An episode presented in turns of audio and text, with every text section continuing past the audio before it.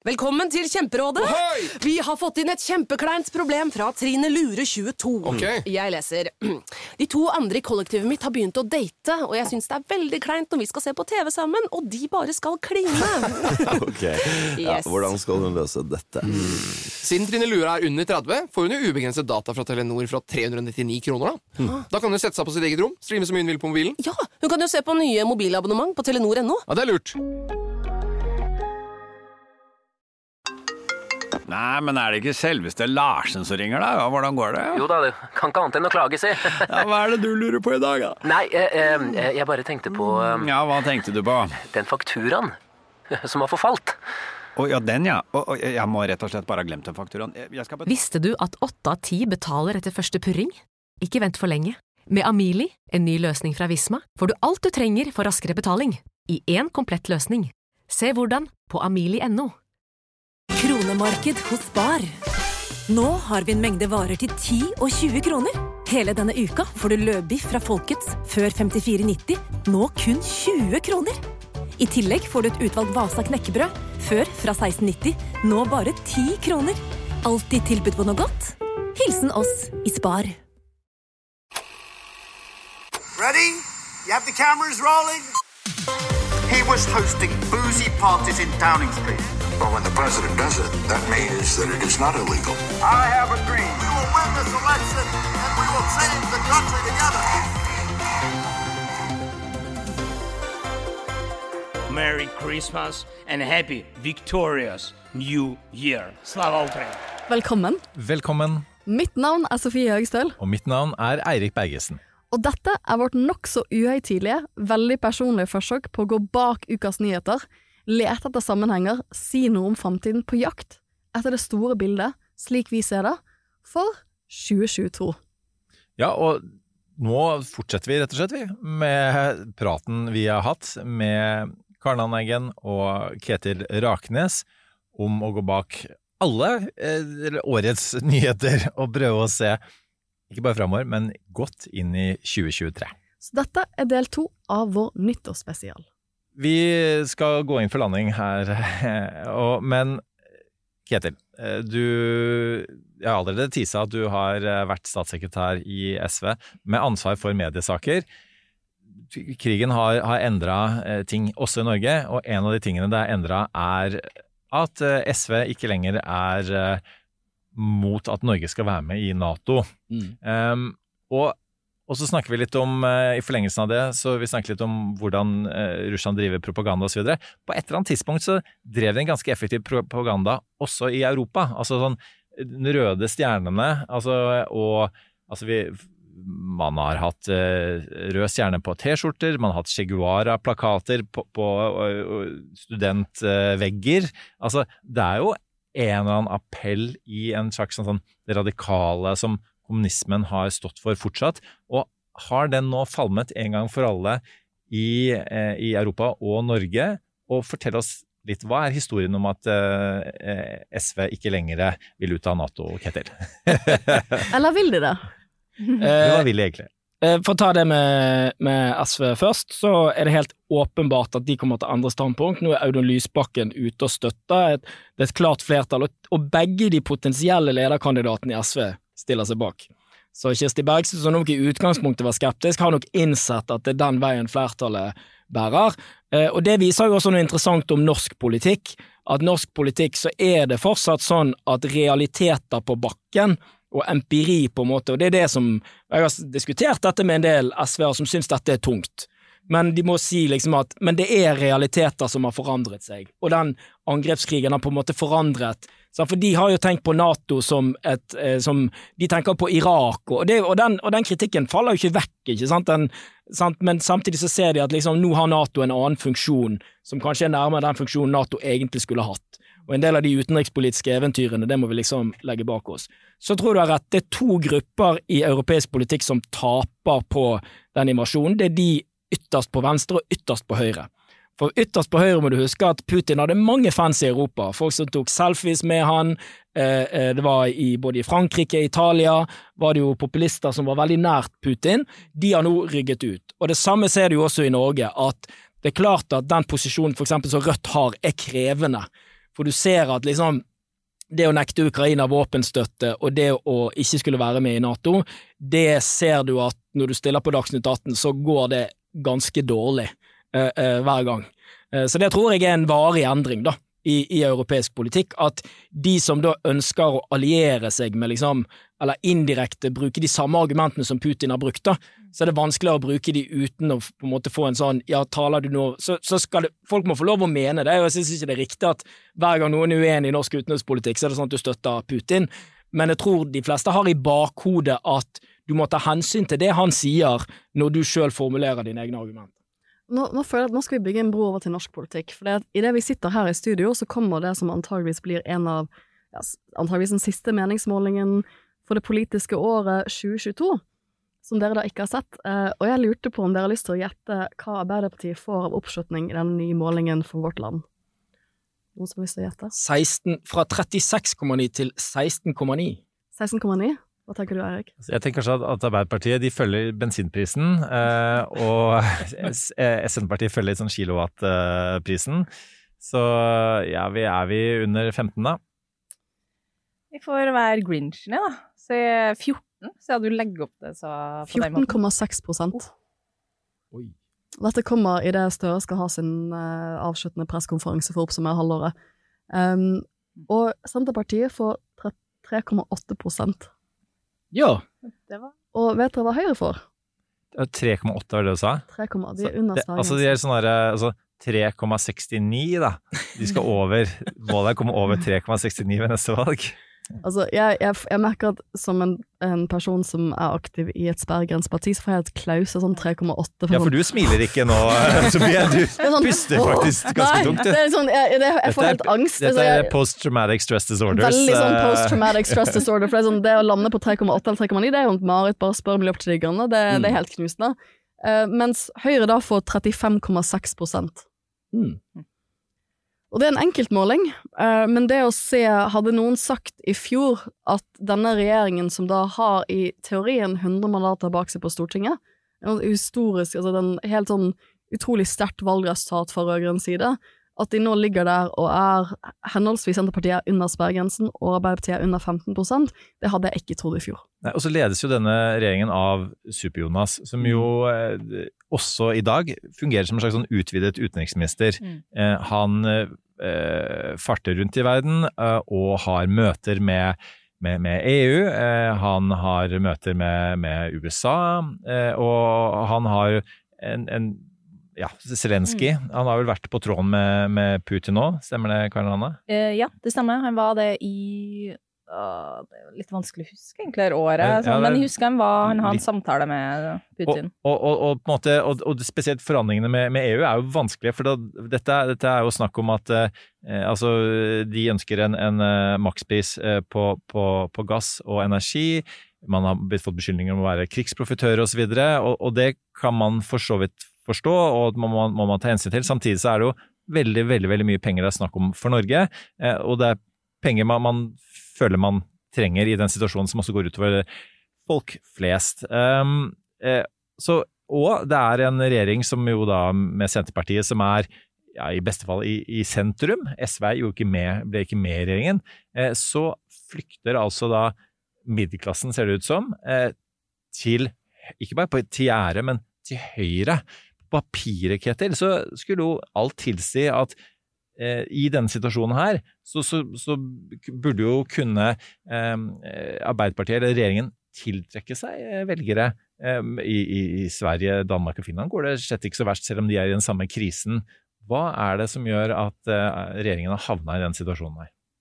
Uh, ja, og det du sier, at det går bedre for sosialdemokrater i Sverige, Finland og Danmark, er jo eh, beviset på at det kunne gått annerledes. Eh, så kan vi bruke mye tid på det, men det er klart at det er to partier som står veldig dårlig til hverandre. Eh, en regjeringserklæring som på en måte var litt sånn uferdig og uforberedt, og så er jo det et grunnleggende problem at regjeringen kom bakpå fra starten. Og dette har jeg jo kranglet med mange i mange år, men jeg mener at Jonas Gahr Støre er ingen maktpolitiker. Han har ikke det som skal til for å forstå hvordan makt fungerer. Han skjønner ikke når folk er mot han, han skjønner ikke når folk er med han, eh, og han forstår ikke når folk vil velte han, og han forstår ikke heller når andre parti, politiske partier bruker makt med han. Eh, og han er gnistrende på alle mulige andre eh, måter, men dessverre akkurat der. Og det grunnen til at folk flykter til Høyre, er jo ikke sånn vanvittig etterspørsel etter høyrepolitikk. Det er litt sånn, nå er det litt sånn, det er litt på personeffekt eh, eh, også, dette her med at du ser at de som fremstår som veldig trygge og, og dominerende ledere, det så vi jo da covid òg, da får du en viss gevinst eh, på det. Bare veldig kjapt spørsmål til deg, Kjetil. Fordi Ja. når du beskriver Jonas Gahr Støre på den måten, hvordan klarer du da å bli leder i det som da var et av Norges eh, største parti? Bare sånn av ren nysgjerrighet. Fordi som- Fortsatt større enn Venstre, da. Ja, for de, de som kunne makt i Arbeiderpartiet, sa han skulle bli det. Og uten, sånn som jeg kjenner Arbeiderpartiet, så er de veldig De har en helt veldig sånn tradisjon på at partiledelsen er kjempesterk, og partiledelsen bestemmer alt, eh, og folk bare føyer seg. Og så har de fått en svak partiledelse, og da smuldrer jo, sant, fordi at da klarer man ikke å holde alle disse koalisjonene i partiet i sjakk, da. Eh, og, det, og Senterpartiet er en gresk tragedie. Sant? Det er typisk sånn fløy for nært sol og lovde masse greier. Så alle visste at det kom til å gå dårlig. Mens liksom Arbeiderpartiet er mer et sånt obskurt Ibsen-drama, hvor det er litt sånn uklart hvor det egentlig gikk galt, og hvem som gikk galt, men at det er masse greier i fortiden der som liksom Men eh, så jeg helt enig, Ap er det store mysteriet sånn sett. For det var et styringsparti som på en måte kollapset. For Ketil, du har sagt, du sa noe til meg en gang, og jeg tror vi, jeg vet ikke, vi møttes på et tidspunkt i forbifarten, så sa du et eller annet som fikk meg til å tenke sånn, jeg kommer aldri til å bli ordentlig politiker, Uh, og B, um, som jeg har tenkt på i etterkant da, og hvor du sa, for du har jo vært tett inn i, du, har, du var jo for rødgrønn regjering, Ja. du har vært tett inn i disse maktrommene, og du sa et eller annet i den duren at liksom, man må kunne knuse noen, liksom, man, må, man må som partileder ha nok makt og myndighet til liksom knekke noen rygger og, og piske folk inn, liksom, og kan, liksom, kan du ikke, og du, du må liksom, du må, du må gjøre, hvis du ikke liker det selv, så må du finne folk Som kan gjøre det for deg. Og, og, at liksom, og det kan være ganske liksom, Og du må finne folk som syns det er ganske gøy. Ikke sant? Nå skal vi, nå skal vi liksom sette, sette kursen her. Og så tenker jeg sånn, jeg er jo ikke noe sånn rå makt. Så Nei, det, det, jeg er jo det Nei, nei. langste tenkt sånn, herregud, jeg, jeg vet ikke om politikk Det er jo noe ikke for jeg heller, jeg er jo bare en myk mann for Ulsrud i julegenser som, som vil eh, det beste for alle, men Som har blandet erfaringer med å vinne Blandet valg erfaring med å ha fått nær sperregrensen og alt, men min favoritt, altså sånn i den Alle skal ned, så er det en veldig god scene hvor Jonas Gahr Støre innkaller de to nestlederne til et møte. Sant? Han har to nestledere som motarbeider ham på alle mulige måter. De har lyst til å bli leder sjøl, og han har ikke kontroll over stortingsgruppen. Det er en maktpolitiker da ville gjort, du setter det ned, du og du kommer aldri til å bli leder i Arbeiderpartiet hvis du ikke gjør sånn som jeg sier nå. Så skal jeg hjelpe dere seinere, men du må lære deg å holde kjeft, og du må også lære det. Sant? Det han gjør, er at Hadia Tajik og, Jonas, og, og Trond Giske sitter og ser på telefonen i møtet. Mm. Sant? Og det er jo et sånt katastrofe... Og dette handler jo bare om du er leder på en arbeidsplass også. Det er, liksom sånn, det er litt sånn katastrofalt tap av, av autoritet. Uh, og det er jo der, når ingen er redd for deg Altså, Arbeiderpartiet er en organisasjon hvor folk må være litt engstelig for deg, i hvert fall sånn som jeg opplever de. Uh, og hvis ikke noen er redd for ledelsen lenger, så, så funker jo Ja, ikke for- systemet. Arbeiderpartiet henger jo sammen, for det er en stor, bred koalisjon. Mm. Uh, og når du har en stor, bred koalisjon, så betyr det at du har fraksjoner som ikke nødvendigvis har lyst til å jobbe sammen. Du har uh, unge, idealistiske AUF-ere som har lyst til å jobbe for flyktninger og miljøet, og så har du industribevegelsen som ikke er interessert i det grønne altså som tenker det er fint, men de skal, ha, de, skal, de skal bevare norske industriarbeidsplasser i olja. Og da må du liksom, skal du få de to fløyene til å møtes, så må du av og til bruke litt makt. Ja. Så Og det, du tenker at det er for lite maktknekking, ryggknekking det, det er min analyse, og så finnes det nok andre varianter av den. Jeg har Institutt for uh, forsvarsstudier, har de studert uh, maktbruken til Jonas Gahr Støre? Nei, det tror jeg ikke. Vi er nok litt mer uh, vi har flinke folk og historikere som kan veldig mye om norsk utenriks- og sikkerhetspolitikk, men kanskje ikke så mye på, på Støre og mer sånn norske maktpolitikere. Men jeg tenker jo litt sånn Akkurat som at vi ikke kan egentlig bedømme eh, gangen da, i eh, hvordan krigen i Ukraina vil se ut om et år, basert på på en måte hvordan det ser ut i dag, Mm. så er jo i litt Tenker jo en skal jo òg ha litt is i magen på de her meningsmålingene, og nå tar jeg statsviterhatten på. Ja da. Eh, at en skal jo ha litt is i magen nå. Det skjer jo vel Og det, det er jo krisetall på alle måter, men om et år kan det jo se veldig annerledes ut. Eh, energiprisene har gått opp, eh, et eller annet magisk har skjedd. Altså sånn En vet jo aldri helt, da. Bare for Ja. Men hvis vi ser litt på, vi skal snakke litt om energipriser og, og strøm, som helt åpenbart er, er en, eh, kanskje den aller viktigste faktoren av, av i et sammensatt bilde. Men, eh, men Karen Anna, dette med eh, altså sånn politisk ledelse, da. Eh, vi, altså, så, jeg tror vi snakker på vegne av alle her, at vi skulle gjerne ønske oss at, at eh, ble- norske eller nasjonale politikere ble mer premiert for utenrikspolitikken sin. ikke sant? Og så- men sånn er det ikke. Det er ikke. Du vinner ikke valg på utenrikspolitikk i USA eller i Norge. Eh, også, og, jeg har sagt det på podden før, jeg så Jonas Gahr Støre på Equinors høstkonferanse, som jeg leda med Siril Mannes. Super-Jonas. Eh, han var eh, Altså, han trakk jo Snakk om det store bildet. Trakk det store bildet på vegne av eh, Norge og verden. Og og så stokka det seg litt da han fikk spørsmål fra programleder Siri Lill på dette med krigsprofitør, for det har han ikke lyst til å svare på. Det er ikke hans vinkling på det, og da klarer han ikke å akseptere journalistens vinkling på det, og det er en, et media- og kommunikasjonsspørsmål. Mm. Men eh, hvis vi ser på han som jo virkelig lykkes med dette her, som vi snakka om i stad, eh, Zelenskyj. Hva er det, hvordan vil du på en måte altså hva, hva er det ikke at Støre noensinne skal bli Zelenskyj? Vi vi så hvordan det gikk da Macron tok på seg hettegenser Ja, ja. og grønn hettegenser gikk rundt på sitt kontor. Like dumt som da Macron gikk rundt og skulle prøve å trøste fotballspillerne eh, sine etter eh, valgseieren, nei, ikke etter, etter eh, tapet i VM-finalen, eh, og det funka kjempedårlig. Men, men hva, hva er det, hvilke ting er det Zelenskyj får til som andre burde kunne lære av han? Oi.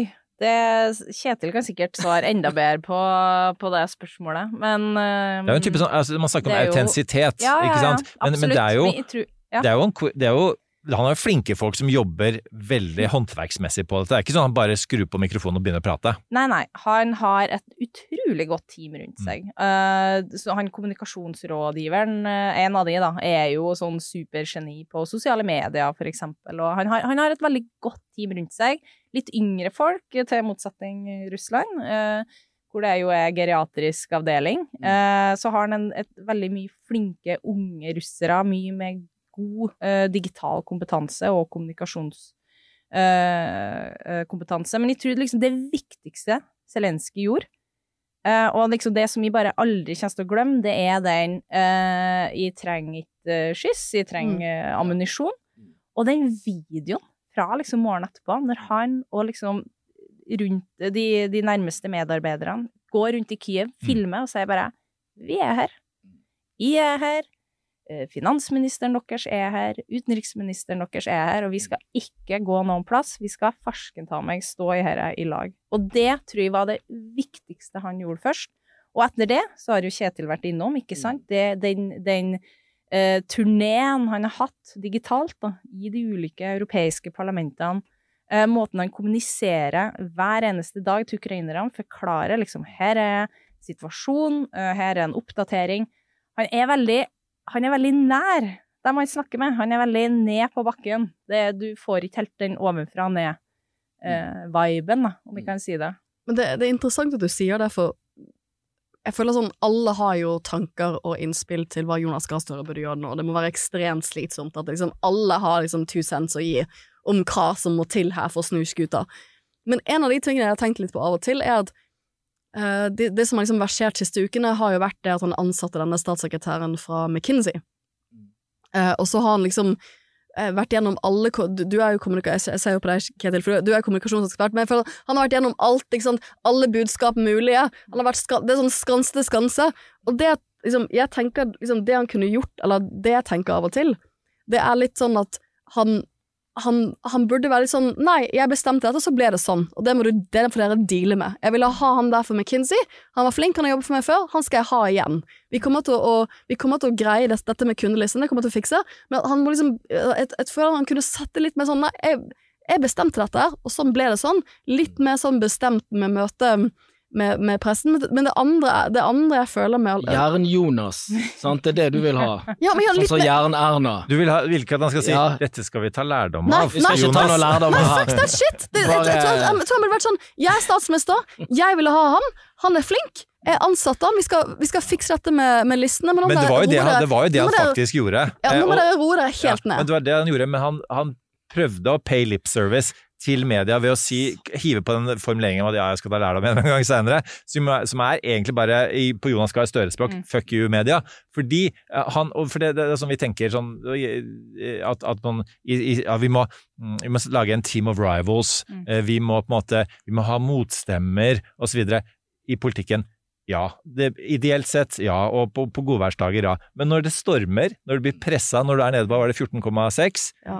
Da skal du ikke ha motstemmer. Da skal du ha noen folk som got your back, som backer deg, som gjør hva faen det er du, du, du, du sier at de skal gjøre, fordi du tror fortsatt på prosjektet ditt, og det tror jeg Jonas Gahr Støre gjør. Så han tenker fuck it, jeg skal ha, ha, ha han dritflinke Christopher mm. Toner, og så får media skrive å, han har blant annet jobbet, hatt oppdrag fra NHO.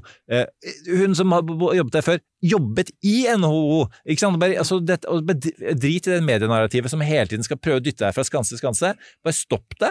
Eh, ikke gjør det som Hadia Tajik gjorde, og la seg drive fra skanse til skanse. Det endte med at hun måtte gå av som finnes, så finnes det jo et annet alternativ også. Det er å forberede, vite at det kommer, Ja, forberede det skjønner kundelisten. jeg ikke. Det, det skjønner jeg bare altså, ikke. Altså, al- al- altså liksom, dette trodde jeg var en avslutta debatt. Dette var jo noe vi holdt på med for ti år siden.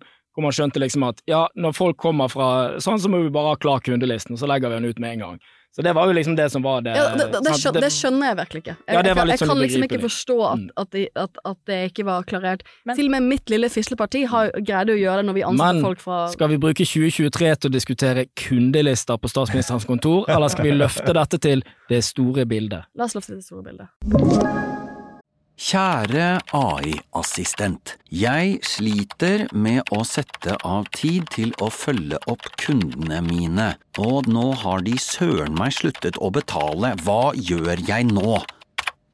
Med Amili, en ny helhetlig løsning fra Visma, kan du automatisere bort de kjipe oppgavene og tilpasse fakturering og betalingsoppfølging for hver enkelt kunde. Og det beste av alt, du får raskere betalt. Amili? La meg sjekke. Amili.no. Det er en deilig følelse når noen tenker på deg. Men det er ganske deilig når noen tenker for deg også. Når du velger Kolonihagen, kan du være trygg på at noen har tenkt for deg. Dyrevelferd og ansvar er hensyntatt, og du kan bare nyte den gode smaken. Derfor har vi i Rema 1000 et stort utvalg av økologiske kvalitetsprodukter fra Kolonihagen til en lav pris. Rema 1000. Det er sluttsummen på valgene vi tar, som teller. Kronemarked hos Bar. Nå har vi en mengde varer til 10 og 20 kroner. Hele denne uka får du løbiff fra Folkets før 54,90, nå kun 20 kroner. I tillegg får du et utvalgt Vasa knekkebrød, før fra 16,90, nå bare 10 kroner. Alltid tilbud på noe godt. Hilsen oss i Spar. Ok, da løfter jeg det til Ja, Ukraina.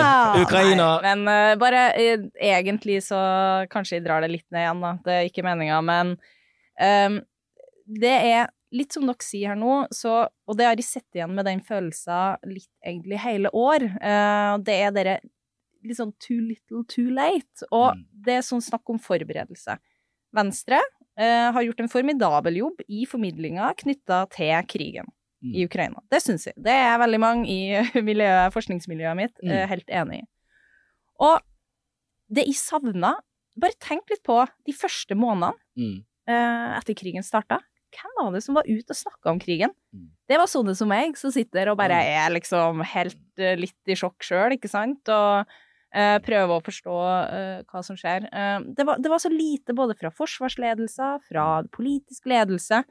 Og så har det i høst, med både økt beredskap og hele den pakka der, så syns de de har blitt veldig gode i formidlinga si om hva her krigen er, hvorfor vi må stå i det, eh, framtidsutsikter. Jeg syns kommunikasjonen har blitt bedre, men for meg så er det litt for sent, fordi du òg skal du jo tro De fleste var i hvert fall klar over at det ville komme en slags eskalering på et tidspunkt. Så Um, ja, det er litt too little too late, da. Men så kan jeg spørre deg, Karl Anna, dette med eh, altså strømkrisen, som jo på en måte er blitt utløst av krigen. Eh, hvordan, eh, når du først er ut- ute og gir litt råd, konkursjonsråd, her du også, eh, hvordan eh, Og det er jo sånn typisk sånn du, du, får, du får et eh, medienarrativ hvor, du, hvor alle har sine forklaringer, og det er, det er Putin sin feil, det er Xi Jinping sin feil, det er EU sin feil, eh, det er været sin feil, det er grådig næringslivet sin feil. Men, men hvordan er det Det er helt åpenbart først og fremst Putin og krigen sin feil. Hvordan er det, hvordan er det norske myndigheter burde gå fram for å, for å få fram det poenget? Eh, ja, altså, jeg må jo bare òg si, da, så jeg har en liten rant her, at uh, jeg skjønner det er veldig vanskelig å sitte her på toppen og skal ta beslutninger løpende, og det er jo komplisert. Strømpriser er komplisert, fordi vi er knytta på uh, Vi er ikke bare oss sjøl i bobla, og det syns jeg jo heller ikke at vi skal være. I utgangspunktet er jo ganske gode løsninger vi har, men um, ja, nei, hvordan skal du forklare det? De har jo prøvd, og jeg syns jo egentlig den begrunnelsen som er gitt, er god. Altså, Putin har Han bruker økonomi som et sikkerhetspolitisk virkemiddel. Så enkelt er det For egentlig. Høyre har jo ikke noe annen eller bedre, skråstrek bedre politikk på akkurat dette. De har jo til Nei, de- eh, de forveksling Solberg- den samme. Ja, Erna Solberg har jo svart ja. Altså, hun fikk jo det spørsmålet på Politisk kvarter for en, uh, en uke siden eller noe sånt. nå. Eh, ville det vært lavere strømpriser med høyreregjering? Hun svarte nei. Så det alle skjø- det, nei, det er jo samme Og, der- og der tror jeg liksom Hvis du ser da, mediene overvurderer hele tiden den strømdebatten, tror jeg. De partiene som agiterer for alternative løsninger, som Rødt og Frp og sånn, har ikke fått noe særlig ut av det. Det partiet som er nærmest regjeringen i løsning, går kjempemye opp på, på målingen. Og, og så er det også det der med at Norge, ikke sant, vi tjener ca. 80 milliarder eller noe sånt på på, i ekstra inntekter, så bruker vi 40 milliarder. Det er bare, For Norge er jo debatten det er en offentlig omfordelingskrise. Hvor mye skal vi dele ut igjen til strømkunden i forhold til det vi tjener? Og nå Strømstøtten ligger på et nivå som mange husstander tror jeg syns er ganske eh, ok. Så hvis du skal liksom forklare den Arbeiderpartiet, så er det jo mer det som Karen Anna, det er nok mer et sånt sug etter liksom ledelse og styring, og mer sånn hva, hvor er vi nå, og hva skulle vi? Og det var nok et mulighetsrom der, både når det gjaldt covid i starten, og krigen i Ukraina. Og så vet jo alle det at altså, hvis du sitter i en regjering med farlig oppslutning, kjempevanskelig, sant? fordi at da er alle litt mot alle, det er bare fokus på konflikter. Altså, liksom, derfor er jo jeg dessverre sant? Altså, det, det er veldig vanskelig å snu en dynamikk. Eh, Da må du ha store utskiftinger, og du, liksom, du må ha ny dagsorden. Altså, da må det skje store ting både med krigen og energimarkedene. Ja, for det er kanskje litt mitt, min følelse også, også da, for et lite parti. Jeg føler sånn, Venstre og SV er jo mye mindre parti enn Arbeiderpartiet, så for oss er det jo, vi har litt andre erfaringer, men vi har jo erfaringer av å være aktive i partier når det har gått skikkelig dårlig. Mm. Du, var jo, du var jo aktiv og satt på innsiden når dere slet med sperregrensen. Jeg klarte nesten å få SV under sperregrensen, det er min Ja. største bedrift. Eh, det, det, og det er greit, altså Venstre vi jobber hardt for å komme under sperregrensen hver, hver eneste Ja. stortingsvalg, så å si. Men jeg, jeg var jo aktiv under lederstriden med Trine, og det, det, er jo ikke Mm. samme, det er jo ikke samme nivå. Men når- når det først surner seg til, Ja. og folk begynner å lekke mot hverandre, og det er dårlig stemning, det å snu den skuta der, det er vanskelig. Og hvis man også sitter i regjering, og regjering er så ekstremt krevende sånn tidsmessig, sånn. Du, du, du, du lever fra dag til dag. Det å da skulle snu den skuta, det er kjempevanskelig. Og jeg, jeg, jeg føler litt at vi er inne i en periode nå hvor det som er mest spennende for meg i 2023, er sånn hva, hvor står vi på slutten av 2023? Er Jonas Gahr Støre statsminister? Eh, Er, er, sitter Senterpartiet i regjering? Jeg tror svaret på de to spørsmålene fort er ja, men jeg vet ikke lenger. For det, det, er, så mye, så, det er så mye som, som kan skje mellom nå uh, og til neste år. For det, du og jeg vet også at når partier begynner å få så dårlige meningsmålinger, så begynner de å ta veldig dårlige valg. Hadde jeg vært Ap-spinndoktor nå, så hadde jeg sagt at eh, ja, jeg har akkurat hørt på en podkast med to sånne sperregrenseparti-lakeier Ja, som eh, snakka om hva eh, Norges største styringsparti, en gang største, eh, skulle mene. Men, men dette er jo sånn, altså, det, det jeg hatet mest når jeg var aktiv, var sånne smart ass-folk som liksom var sånn Ja, du kan bare gjøre Dette er litt strukturaktør òg, for oss som er samfunnsvitere. Sant? Spørsmålet er hadde andre gjort det bedre? Vi, det vet vi jo ikke helt. Men at struktur, altså de strukturelle forholdene for Regjeringen ville falt i oppslutning uansett. Det tror jeg. Uansett hvem som sitter i regjeringen, hadde det gått dårlig. Men det hadde ikke trengt å gå så dårlig. Sant? Regjeringsslitasje, men Så det de opplever, er ekstrem regjeringsslitasje i en situasjon der jeg mener de kunne klart seg med moderat. Det er egentlig det som er Nedover hadde det gått uansett. Og, og jeg, eh, med det skal jeg gi mine two cents. En person som kun har som jobb å prate eh, på TV, radio og pod. Eh, fordi du sa, Karen Anna, at, eh, at det, er, er vanskelig å sitte i regjering. Det er lett uh, å sitte i, på pod og være Gregers Verle, sandsigersken, uh, i, um, i Ibsens Villanden. Uh, og det skal vi være. Fordi, og her skal jeg til og med trekke på en, det har jeg gjort med veldig dårlig hell tidligere, en fotballmetafor. Fordi, siden det har akkurat vært VM, altså never change a winning team, ja. Men vær litt forsiktig med å change a losing team også. Fordi eh, hvis du nå prøver på noen sånn voldsomme grep, da, nå som du sier at det kanskje skifte eh, Ketil, eh, skifte ut statsråder og og, si, komme med et veldig oppsiktsvekkende statsbudsjett osv. som ikke folk hadde forventet.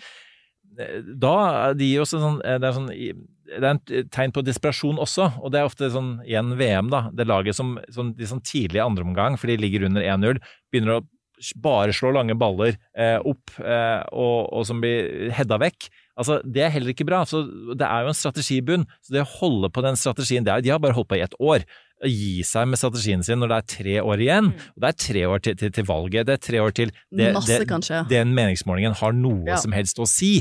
Så, så det å la seg stresse, det tror jeg er enda verre. Ja, og tenk at hvis vi løfter blikket litt igjen Det vi sitter og snakker om i Norge nå, det er det mange andre europeiske land som, som sitter Altså, de fleste regjeringer i Europa sitter med akkurat samme type problemer, økonomien og enorme strømpriser. Og da kan vi liksom hoppe litt bort til Storbritannia, for selv om ting har gått trått for regjeringen, så er jo ingen av de blitt Liz Truss, som for evig og alltid kommer til å bli husket som et spørsmål, sånn særspørsmål på Jeopardy, ikke sant? Ja, ja. Hvem var sittende statsleder i 46 dager? Ja, det var Liz Truss. Og det viser jo, så det viser jo hvor fort ting kan gå nedover i, i, i en, en vill og styrtende fart i den urotiden vi er i. Og det er liksom litt min hypotese, og hypotesen til vår st storebror, storesøster, storebror Pod, eh, The is Politics, er at fordi at vi lever i en endret, kaotisk verdensbilde, så går en del av disse lokale regjeringskrisene fortere tilsynelatende enn det vil, liksom. Ja. Det, det mine kollegaer i statsvitenskap som forsker liksom på valg, vil si i Norge, at det er historisk at en, en ny regjering har mistet oppslutning så mye på et år. Det er historisk. Og jeg tror at det som skjer, er at krigen i Ukraina og alt det det medfører seg internasjonalt, det akselererer en del sånne type nasjonale dramaer. Og det så vi liksom, vi, gjør- vi gjør et tilbakeblikk på 2022 her. Liz Truss, Boris Johnson må gå av, Liz Truss, det var jo da du og jeg holdt på hold, holde, eh, Nå ser jeg på Karan Eggen, uh, spilte inn episode. Så kommer Liz Truss og bare feiler på rekordtid. Uh, og, og nå har du Rishi Sunak, som selv om han eh, nå har sittet lenger enn Liz Truss, så sliter han på meningsmålingene. Han sliter med en massiv offentlig streik i Storbritannia. Som jeg, kan, altså jeg har masse kollegaer på universiteter i Storbritannia som streiker nå, det forstår jeg kjempegodt.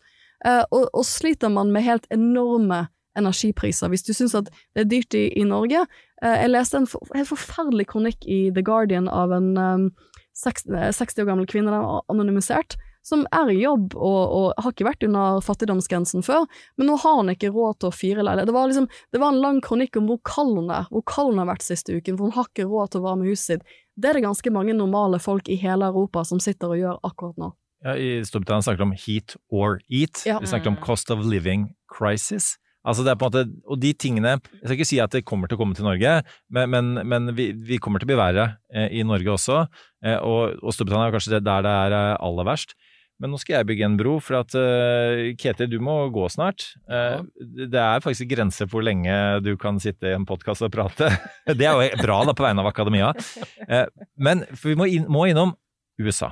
Må Eh, og Donald USA. Trump. Så det som har eh, skjedd nå, dette er jo i to deler, så eh, dette er både noen helt få dager siden den nyheten kom, og litt over en uke siden denne nyheten kom. Men eh, Donald Trump eh, eh, ønsker Kongressen at skal bli straffeforfulgt, og så vet vi ikke helt ennå hva Justisdepartementet, som jo er politi og domstoler, eh, kommer til å gjøre. Eh, men for å begynne med deg da, Kjell. Eh, hva vi Apropos, hadde vi trodd at vi fortsatt kom til å prate om Trump nå, eh, seks år etter at han, snart sju år etter at han entret politiske arenaen, eh, og hvor mye lenger skal vi snakke om han? Kommer han til å dominere 2023? Um, hva, og han er jo på en måte symbolet på populismen. Da. Han er symbolet på de som vil på en måte rive ned systemet.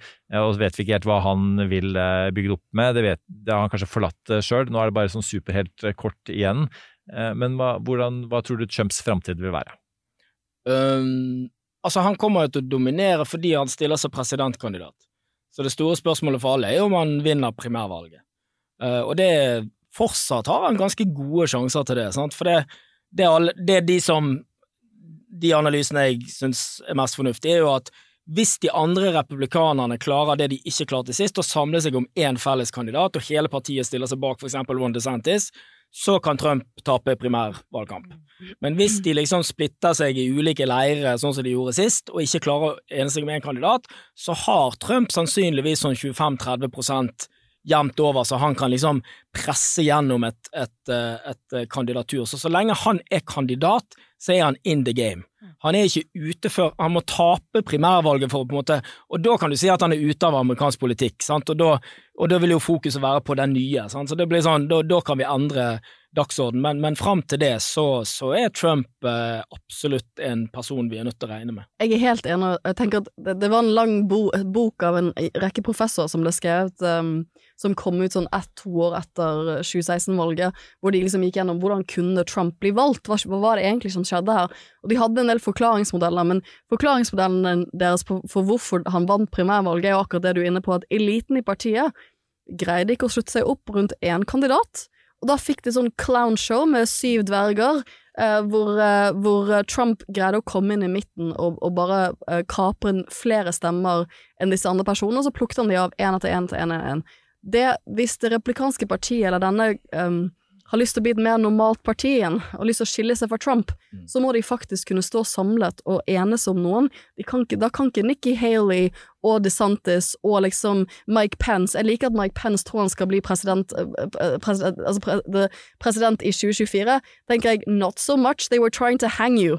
Liksom Bare for to år siden altså, det, det er liksom det er den type forsoning verden trenger. Ja, ja, ja. Jeg bryr meg ikke lenger om at noen prøvde, du gikk, dine supportere prøvde å henge meg.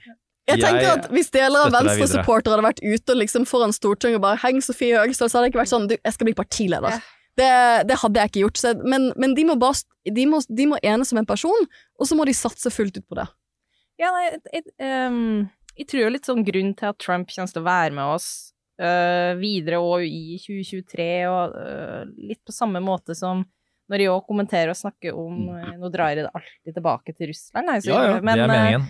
men poenget litt poenget mitt i år har vært å prøve å dra, liksom, dra oss litt opp fra det som foregår rett framom nesen, og forklare liksom Jo, men hvorfor gjør Russland som de gjør? Mm. Eh, Ketil, du var innom det, ikke sant? Mm. Dere med hvordan historikerne eh, kanskje ikke var mange, da, ikke mm. var så overraska. Fordi at det handler om en, en uh, vei Russland har tatt. Og det handler jo òg kanskje, når det kommer til Trump i USA, det handler litt om hva er det er, jo ikke, det er jo ikke sånn at fordi om Trump forsvinner, så Altså, DeSantis han er jo ikke akkurat en Han er jo mini-Trump, bare ja. kan å ordlegge seg litt mm. bedre. Mm.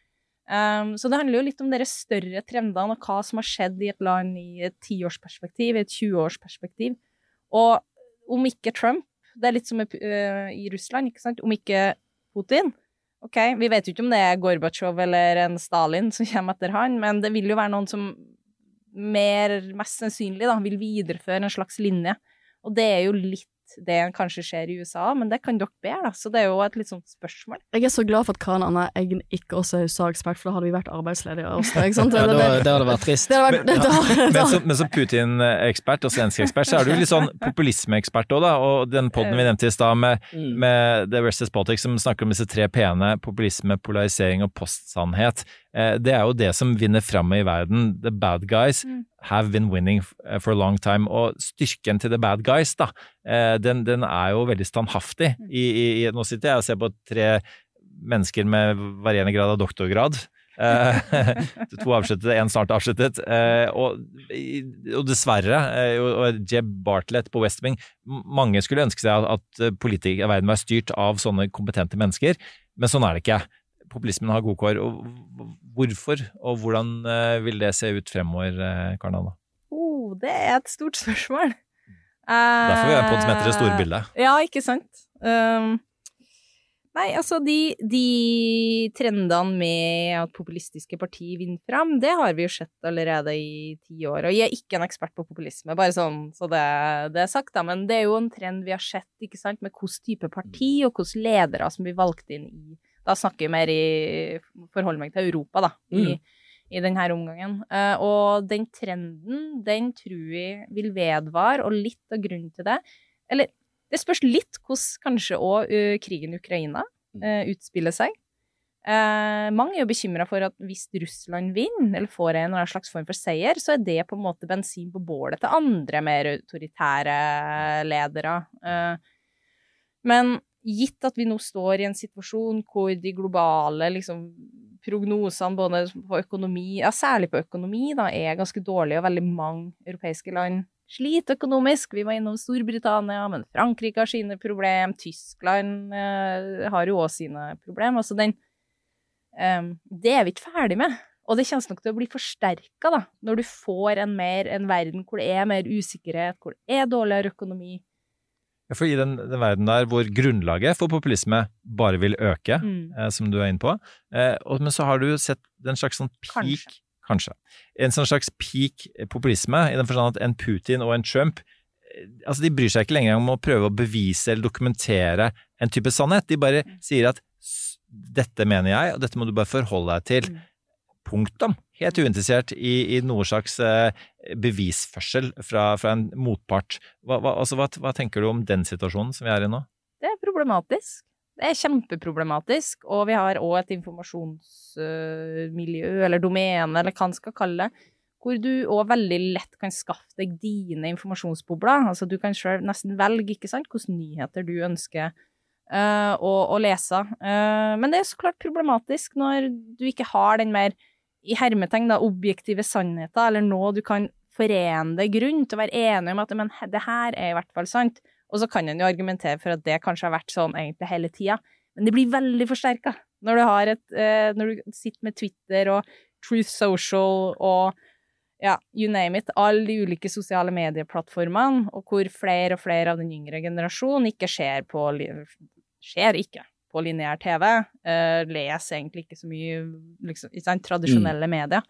Um, og du har fått en stor framvekst av alternative medier. Så det, det, er problematisk, og det gjør det jo vanskeligere å, å skaffe den Altså samle deg rundt en sånn felles forståelse av hvordan verden ser ut, og kanskje bør, da, hvis den skal bli normativ.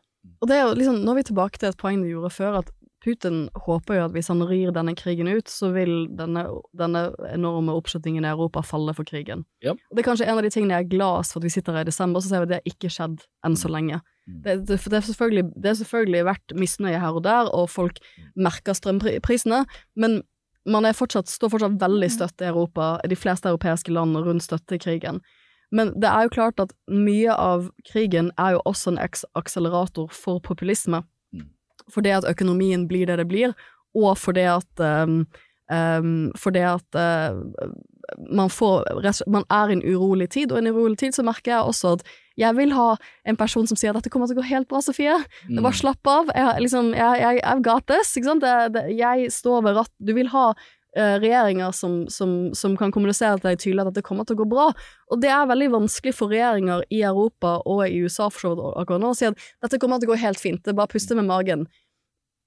Og med det, eh, sesongavslutningen av White Lotus eh, Ok, skru av nå, eller spor videre hvis dere ikke vil vite det. Men altså, det er eh, eh Hva heter hun igjen, hun eh, rike Jennifer Coolidge. Jennifer Coolidge. I, ja. hun heter, hva heter hun i serien? Det husker jeg ikke. Jeg er veldig dårlig på navn. Idet hun skal forlate yachten inn i en litt mindre båt og sier You got this til seg selv, og så ender det som det ender er det det perfekte metaforet for verden vi er i nå, Sofie? Eh, kanskje, absolutt. Og det, det, det, jeg tenker er så interessant med dette, er at um, når vi, vi, var jo, vi, vi, hadde jo alltid snakket mye om hva som skjer med amerikanske valgkamper i 2024. Men for meg har det blitt enda mer prekært, for det at den personen som styrer USA i 2024, må vi anta styrer i en tid hvor vi fortsatt har en Ukraina-krig. Mm. Eh, og hvor vi er helt avhengig av Det er liksom det, det er vårt forsvar. Det er Nato. Så hvis det er Trump, så kommer jeg til å tenke hvis, hvis, hvis, det blir Trump, så er det Det hadde ikke vært bra før. Men resten av Hvis det er vår store lederstjerne militært i, i Vesten, så er det helt krise. Og det setter jo et helt annet perspektiv på amerikansk politikk eh, enn det det gjorde da Trump var president sist, Mm. hvis han skulle komme tilbake igjen. Og da er vi jo virk- virkelig det, det er jo derfor Amerikansk politikk er jo alltid det store bildet, men nå for meg Mm. så føles det virkelig helt eksistensielt. Det kan ikke være en unormal person som sitter ved rattet eh, i, i 2024, for vi, vi må jo anta, som vi snakker om nå, at vi fortsatt er i en krigssituasjon. Ja, men og da har du jo det sant? For det, etter mellomvalget så var det sånn å, nå gikk det bra, og nå, de reddet seg på målstreken og sånn. Ja, republikanerne fikk 54 millioner stemmer, demokratene fikk 51 millioner. De vil sannsynligvis tape senatet både i 2024, 2026 og 2028. Altså hvis du ser på liksom Og det er jo problemet er jo at senatet så er det to stemmer per delstat, og de dominerer de mindre folkerike delstatene. Og så er det sånn som du sier, Sofie, ja, de stiller med en 80-åring. eh, mange vil gjerne ha en annen kandidat. Altså, amerikansk politikk er vidåpent, sånn som jeg ser det, og det er veldig vanskelig. Og det som jeg er ganske sikker på at Karin Anna og hennes kollegaer bekymrer seg veldig for, er jo de sikkerhetspolitiske konsekvensene.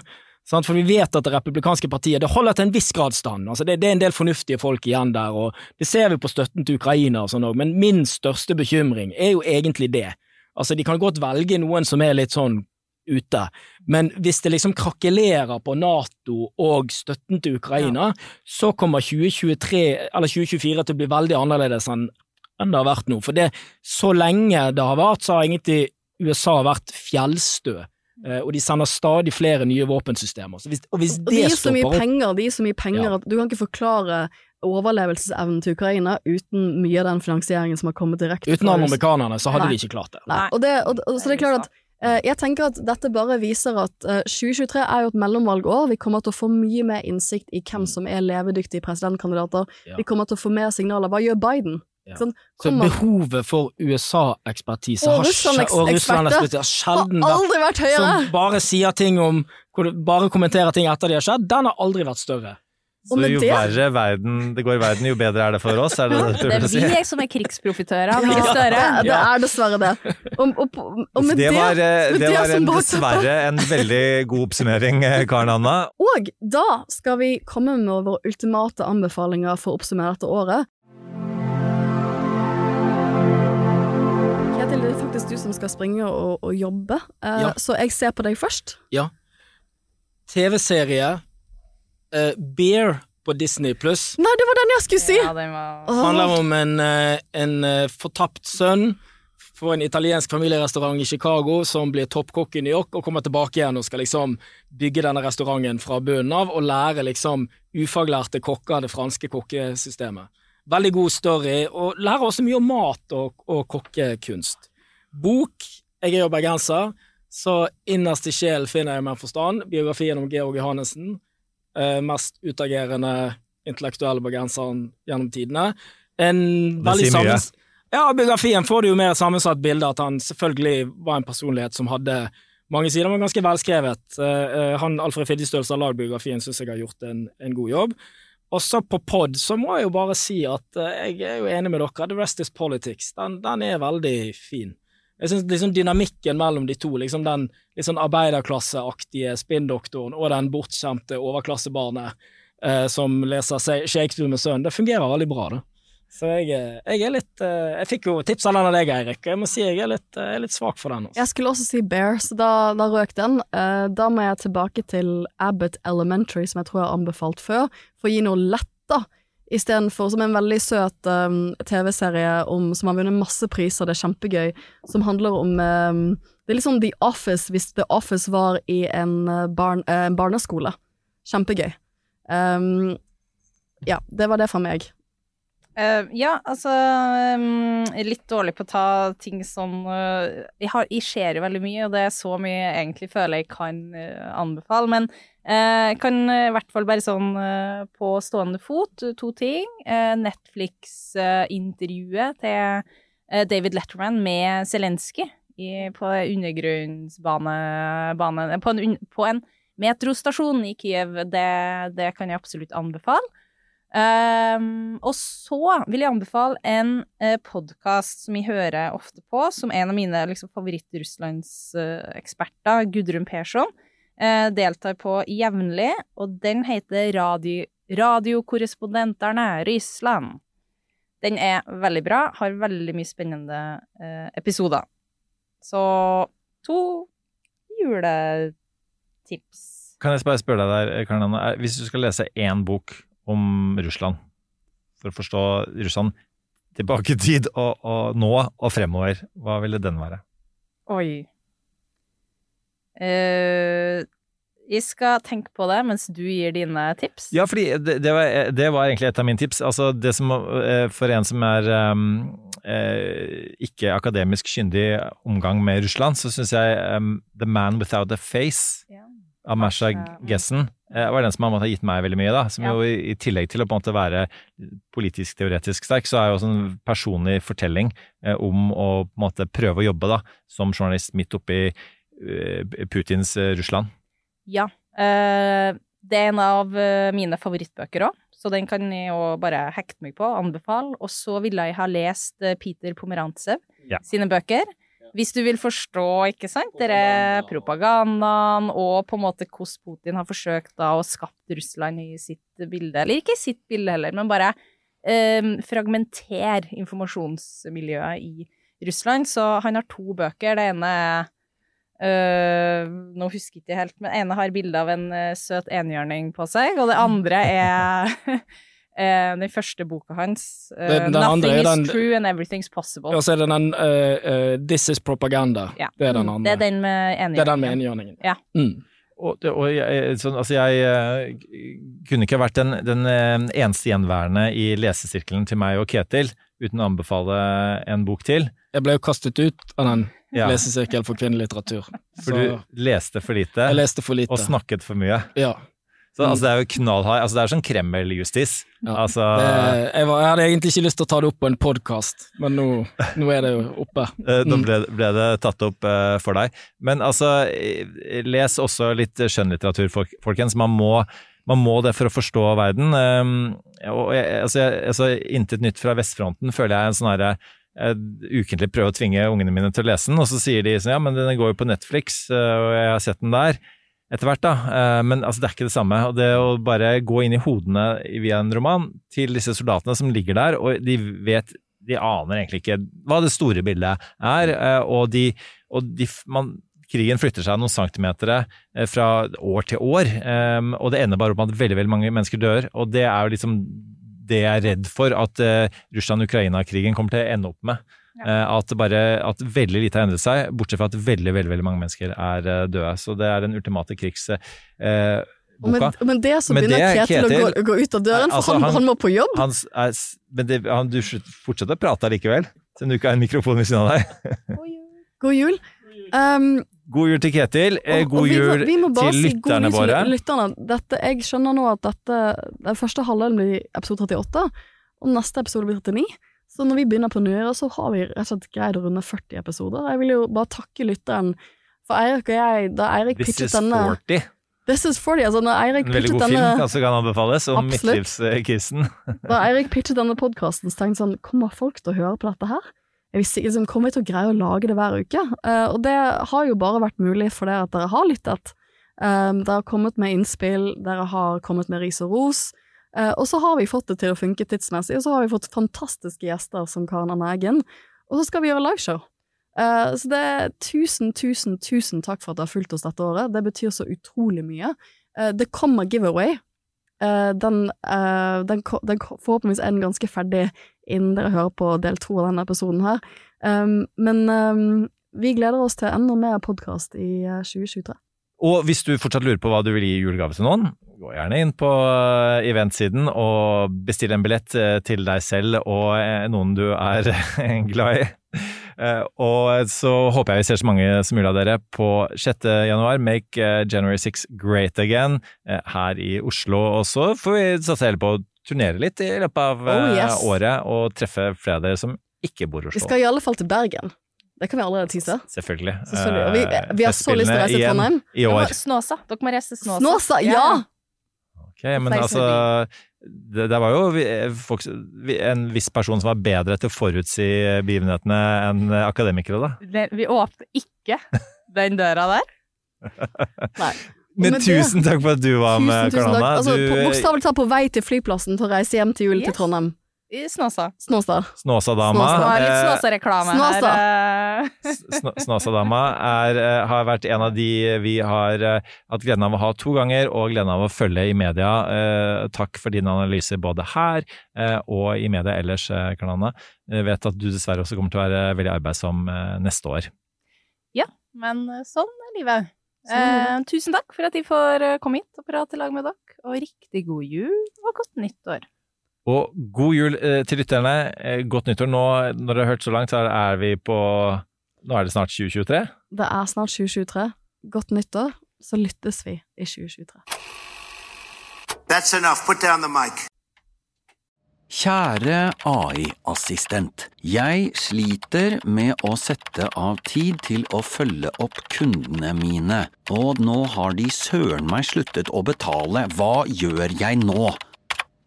Med Amili, en ny helhetlig løsning fra Visma, kan du automatisere bort de kjipe oppgavene og tilpasse fakturering og betalingsoppfølging for hver enkelt kunde. Og det beste av alt, du får raskere betalt. Amili? La meg sjekke. Amili.no. Vi i Rema 1000 kutter igjen prisene, nå på en mengde påskefavoritter. Du får eksempel minst 25% priskutt på appelsiner i løsvekt, familiepakning med vaffelmiks fra Toro, 10-pakk Rieger kakao fra Freia og andre påskefavoritter. Alt dette og enda flere priskutt på minst 25 For det er sluttsummen på påskehandelen som teller. Og husk at vi fortsatt har fryst prisen på over 1000 varer. Kronemarked hos Bar. Nå har vi en mengde varer til 10 og 20 kroner. Hele denne uka får du løbiff fra Folkets før 54,90, nå kun 20 kroner. I tillegg får du et utvalgt Vasa knekkebrød, før fra 16,90, nå bare 10 kroner. Alltid tilbud på noe godt. Hilsen oss i Spar.